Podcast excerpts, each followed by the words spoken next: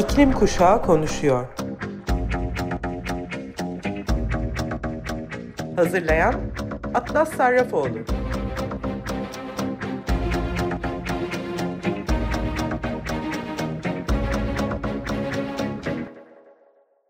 Merhaba Sayın Açık dinleyicileri.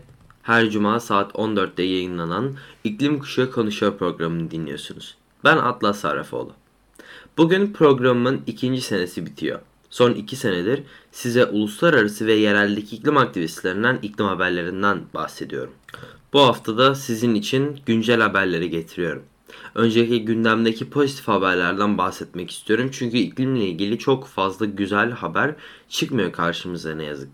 Montreal'de gerçekleşen Birleşmiş Milletler Biyoçeşitlilik Sözleşmesi 15. taraflar toplantısında biyolojik çeşitlilik kaybını durdurmak ve tersine çevirmek için tarihi bir anlaşmaya imza atıldı. COP15. Anlaşma 2030 yılına kadar doğanın kritik eşikten dönmesini ve 1,5 derece hedefinin hayatta kalmasını sağlayacak bir rota çiziyor. Buna göre 2030 yılına kadar kara ve denizlerin %30'u korunacak ve yine aynı, aynı tarihe kadar her yıl 30 milyar dolar finansman sağlanacak. Biyoçeşitlilik Sözleşmesi'ni onaylamayan ABD ve Vatikan hariç yaklaşık 200 ülke dünyanın ekosistemlerinin yok edilmesini durdurmak için 10 yılda bir yapılan çalışmayı antlaşma e, babında imzalamış gibi görünüyor ancak anlaşma imzalarken Çin, Çin e, kimi Afrika e, devletlerinin itirazını yok saymış. E, Demokratik Kongo Cumhuriyeti zirveye başkanlık yapan Çin'in sunduğu nihai anlaşmayı mevcut bir çeşitlilik fonu GEF dışında yeni bir fon yaratılmadığı için bloke etmiş. E, ve Çin, Brezilya, Endonezya, Hindistan ve Meksika gibi GF e, büyük alıcıları ve kimi Afrika devletleri nihai anlaşmanın bir parçası olarak daha fazla koruma bütçesi istemiş. Ancak birkaç dakika sonra Çin'in Çevre Bakanı ve COP15'te başkan olarak e, bulunan Huang Runkui anlaşmanın kabul edildiğine dair sinyal verdi ve genel kurul alkışlamaya başladı. Kamerun, Uganda ve Demokratik Kongo Cumhuriyeti'nden müzakereciler anlaşmanın imzalanmış olduğunu inanmadıklarını belirttiler. Demokratik Kongo Cumhuriyeti anlaşmaya resmen itiraz ettiğini belirtse de Birleşmiş Milletler avukatı itiraz etmediğini belirtti.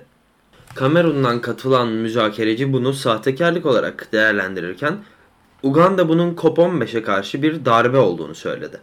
Beklenen tartışmalara rağmen anlaşma 8 milyar insan nüfusuna ulaşılmasına karşın dinozorların zamanından beri en büyük yaşam kaybı olan gezegen için önemli çıktılar barındırıyor. Bir sonraki haber fosil yakıt projelerine yapılan finansmanlarla ilgili HSBC aktivistlere göre bankayı rakiplerinin önüne geçiren bir hamleye petrol ve doğalgaz ile bağlantılı yeni altyapı projelerine finansman sağlamayacağını duyurdu. Ana merkezi Londra'da bulunan banka bilimsel ve uluslararası kurumlar tarafından küresel ısınmayı 1,5 derece ile sınırlandırmak için yapılması gerekenler hakkında bilgilendirmesinin ardından hamleyi enerji politikasına yaptığı bir güncelleme olarak açıkladı. HSBC fosil yakıt şirketlerine finansman sağlayan en büyük bankalar arasında yer alıyor. Bloomberg verilerine göre banka 2015 Paris Anlaşması'ndan bu yana fosil yakıt şirketlerine 111 milyar dolar ile Avrupa'da en çok borç veren ikinci banka konumunda. Bunun sonuncu olarak bankanın ana merkezi sıklıkla iklim konulu protestoların hedefi oluyordu. Kar amacı gütmeyen kuruluş Reclaim Finance'in kurucusu Lucy Pinson HSBC'nin yeni politikası özellikle iklim konusunda önce olduğunu iddia etmesine rağmen petrol ve doğalgaz şirketlerine finansman sağlayan diğer bankalara yol gösteriyor derken HSBC'nin petrol ve doğalgaz şirketlerine finansmanı ne zaman keseceği netleştirmesine gerekiyor şeklinde de ekledi. Uluslararası Enerji Ajansı'nın sıfır karbona geçişin düzgün bir şekilde sağlanması için mevcut petrol ve doğalgaz projelerine yapılan finansman ve yatırımın devam etmesi gerektiğini belirten raporuna değinen HSBC, enerji sektöründeki müşterilerine finansman ve danışmanlık hizmeti vermeye devam edeceğini de açıkladı. Fakat bu şirketlerin bankanın 2030 emis emisyon ve 2050 sıfır karbon hedefleri için uyumlu geçiş planlarının olması gerekiyor. Bir de önemli buluş haberi var aslında. Araştırmacılar lityumun 4 katı enerji depolama kapasitesine sahip deniz tuzu pili ürettiklerini açıkladılar. Deniz suyundan işlenebilen bir tür erimiş e, tuz olan e, sodyum kükürtten üretilen bir pil bu. Düşük maliyetli ve mevcut seçeneklerden çok çok daha ekolojik bir seçim. Sydney Üniversitesi'nden araştırmacı Dr. Shenglong Zayo'ya göre yenilenebilir enerji için büyük bir atılım olduğu yönümünde. E, sodyum pilimiz lityuma göre 4 kat daha fazla depolama kapasitesi sağlarken maliyetleri önemli ölçüde azaltma potansiyeline de sahip dedi. Peki tuz pili nedir? Ona bir bakalım. Erimiş tuz pilleri aslında yeni bir kavram değil. Yaklaşık 50 yıldır varlar. Ancak enerji döngüleri kısa. Ancak bu yeni pil farkı. Bilim insanları depolama kapasitesini belirleyen sülfürün reaktivitesini geliştirmek için elektronları değiştirdiler. Sydney Üniversitesi araştırmacılarının tavsiye ettiği ürün oda sıcaklığında süper yüksek kapasite ve ultra uzun ömürlü. Dr. Zhao dünyaya maliyeti olmayan bölgesel düzeyde kolayca erişilebilen yüksek kaliteli depolama çözümlerine ihtiyacımız var dedi.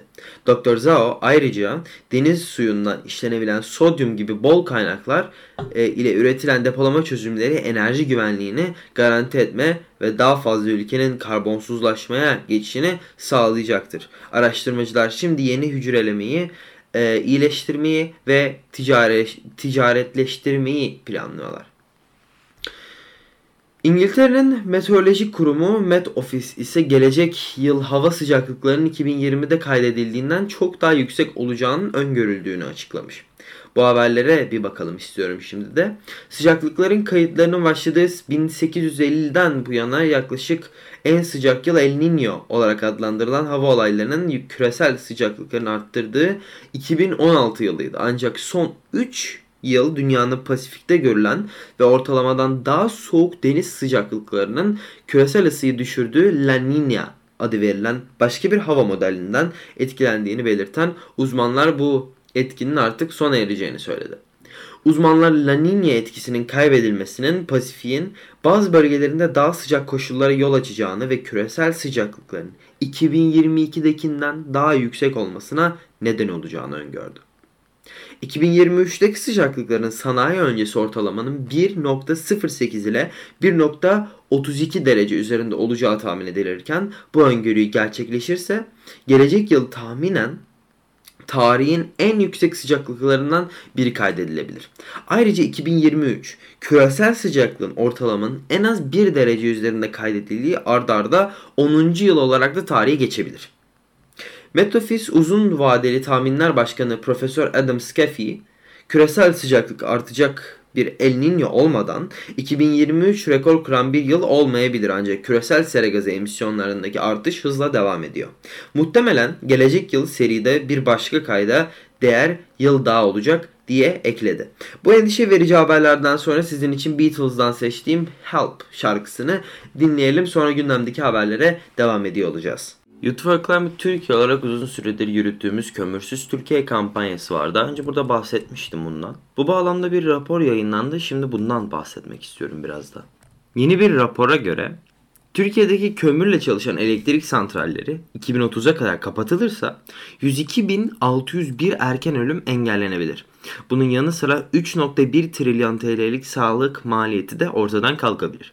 Sağlık ve Çevre Birliği HEAL'ın Health and Environmental Alliance hazırladığı kronik kömürü iyileştirmek, 2030 kömürden çıkışın Türkiye için sağlık faydaları başlıklı araştırma, kömürlü termik santrallerin izin sürelerinin sona ereceği 2050 yıl yerine 2030'a kadar kapatılmasıyla önlenecek ölümler, hastalıklar ve sağlık maliyet tasarrufunu ortaya koyuyor.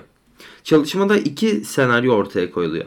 Kömür santrallerinin üretim lisanslarının bittiği yani santrallerin kapanacağı tarih baz senaryo olarak ele alınırken 2030 senaryosunda 7 yıl içinde Türkiye'deki kömür santrallerinin kapanması halinde önlenecek hastalıklar, erken ölüm oranlarının düşüşü ve sağlık maliyetlerindeki gerileme inceleniyor. Fosil yakıtların tetiklediği iklim değişikliği insan sağlığına doğrudan etkisi olan temiz hava, güvenli içme suyu, yeterli gıda ve güvenli barınmayı da etkiliyor. Dünyada yapılan araştırmalar iklim değişikliğinin 2030 ile 2050 yılları arasında dünya genelinde yetersiz beslenme, sıtma, ishal ve sıcak stresinden kaynaklanan yaklaşık 250 bin ek ölüme neden olacağını görülüyor. İnsan sağlığına doğrudan verilen zararın maliyetinin tarım, su ve atık tahliyesi gibi sağlığı belirleyen sektörlerdeki maliyetleri hariç 2030 yılına kadar yılda 2 ile 4 milyar dolar arası olacağı tahmin ediliyor. Yeni çalışma ise Türkiye'deki durum gözler önüne seriyor. 1990-2020 yılları arasında Türkiye'de kömüre dayalı elektrik üretiminin %459 elektrik sektörü kaynaklı sera gazı emisyonlarının ise %323 oranında arttığı belirtiliyor ve bunun sağlık üzerine ciddi olumsuz etkileri yaratacağı da ifade ediliyor. Türkiye'deki kömür santrallerinin önümüzdeki 7 yıl içinde kapatılmasıyla 102.601 erken ölüm, 30.975 erken doğum, 67.108 yetişkin bronşite engellenebilir. Aynı zamanda 114.683 hastaneye başvuru, 27 milyon 606 iş günü kaybı ve 231 milyon 333 bin hastanede geçirilen gün önlenebilir. Önümüzdeki 7 yıl içinde kömür santralleri kapatılırsa astım hastası çocukların 3 milyon 772 bin gün astım ve bronşit semptomu göstermesinin önüne geçilebilir. Diğer yandan 419 bin 385 çocuk bronşitten korunabilir. Ayrıca 2030'a kadar kömür santrallerinin kapatılması halinde bu sorunların getireceği 3.1 trilyon TL yani 194 milyon euro sağlık maliyeti de ortadan kaldırılabilir. Hill Türkiye Sağlık ve Enerji Politikaları Kıdemli Danışmanı Funda Gacal, Türkiye 2030 yılına kadar kömürden çıkmayı tercih ederse 102.601 erken ölüm önlenebilir. Bu rakam her yıl Türkiye'de trafik kazalarında hayatını kaybedenlerden 20 kat fazla. Sağlık sistemi üzerindeki maliyetini de göz ardı etmemek gerekiyor. 2020 yılında Türkiye'nin sağlık harcaması 250 milyar TL yani 15.5 milyar euro oldu. Önümüzdeki 7 yılda kömürden çıkılırsa bu rakamın 12,5 katı kadar sağlık harcaması önlenebilir dedi. Kömür santrallerinin 2030'a kadar kapatılmayıp sürecin 2050 yılına kadar sarkması durumunda ise Türkiye ağır sağlık sorunları ve sağlık maliyetiyle karşı karşıya kalacak. 2030 yılına kıyasla 2050'de erken ölüm oranı 7 kat, sağlık maliyeti hastaneye yatış ve iş gücü, iş gücü kaybı ise 6 kat artıyor olacak. Hill karar vericilere çağrıda bulunarak mevcut kömürü, kömürlü termik santraller için en geç 2030 yılı olarak kapatılma tarihlerinin belirlenmesi ve yeni kömürlü termik santral inşa edilmemesini talep etti. Diğer yandan enerji seçimi yapılırken sağlık ve çevre etkisinin de kısa ve uzun olarak ekonomik maliyet analizleriyle birlikte değerlendirilmesi gerektiğini vurguladı. Elektrik sektörü kaynaklı emisyonların da şeffaf olarak raporlanması ve bilimsel değerlendirmelere olanak sağlaması için ee, Hill diğer taleplerini şöyle sıraladı. Nüfusun sağlık durumu ile yerel düzeyde hastalık vakalarına ilişkin istatistikleri kamuya açılmalı. Ekonomi, enerji ve çevre mevzuatları ve stratejileri birbiriyle ilişkilendirilerek enerji sektörü planlaması gel geliştirilmeli. Sürdürülebilir, yenilenebilir enerji ve enerji tasarrufu modelleri tercih edilmeli. Biz gençler bu peşi sıra gelen endişe verici raporlardan dolayı artık harekete geçilmemesine ve fosil yakıtlara olan bağımlılığı anlam veremiyoruz. Bu kadar bilimsel olgu varken geçişin bir an önce sağlanmaması bizim geleceğimizden çalıyor. Bu kararlar verilirken bizlerin de masalarda karar aşamalarında yer almamız gerektiğini düşünüyoruz. Çünkü bu bizlerin geleceği ve bizim geleceğimiz hakkında ya yanlış kararlar verildiğini görüyoruz. Kömürden çıkılması gerektiğini gösteren Hill'ın bu raporundan sonra Cambridge Econometrics raporuna bakalım. Bir de e, Cambridge Econometrics'in raporuna e, göre Türkiye'deki enflasyon e, oranının yaklaşık 5'te birinden enerji fiyatları sorumluymuş enerji fiyatlarındaki artış tüketiciye yansıtmamak için Türkiye GSYH'nin e, yani gayri safi yurt dışı hasılanın %2'sini harcadı. Yani 300 milyar TL hazineden karşılandı.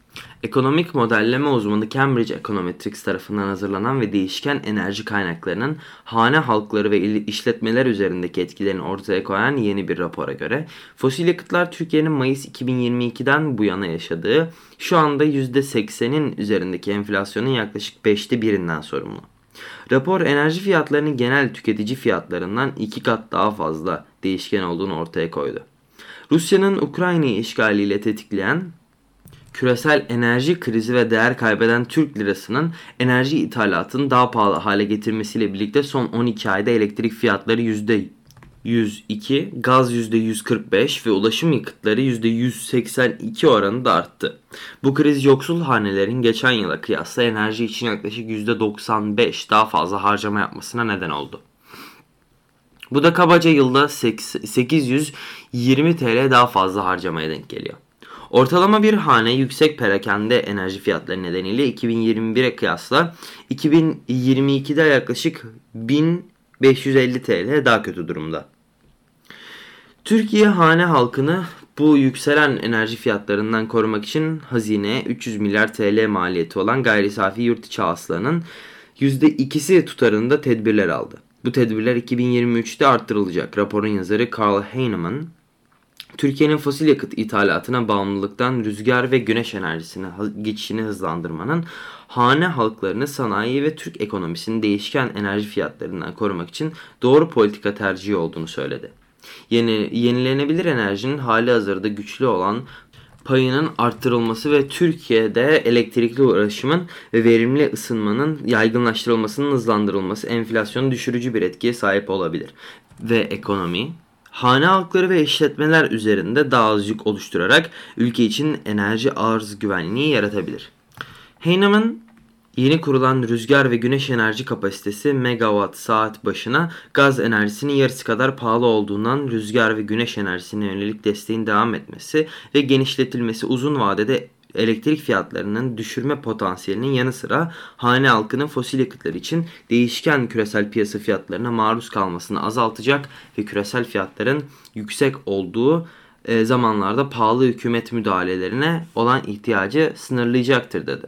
Sizler için seçtiğim iklim konusundaki önemli haberleri şu şekilde sıralamıştım. Ee, 2022 senesi hepimiz için oldukça zorlayıcı geçti. Sanki bir krizler alana takılmış gibi hissettik hepimiz. Üstelik yayınlanan raporlara bakılınca eğer gerçek eylemlerde bulunmazsak bunlar giderek büyüyen krizler fırtınasına dönüşecek nitelikte.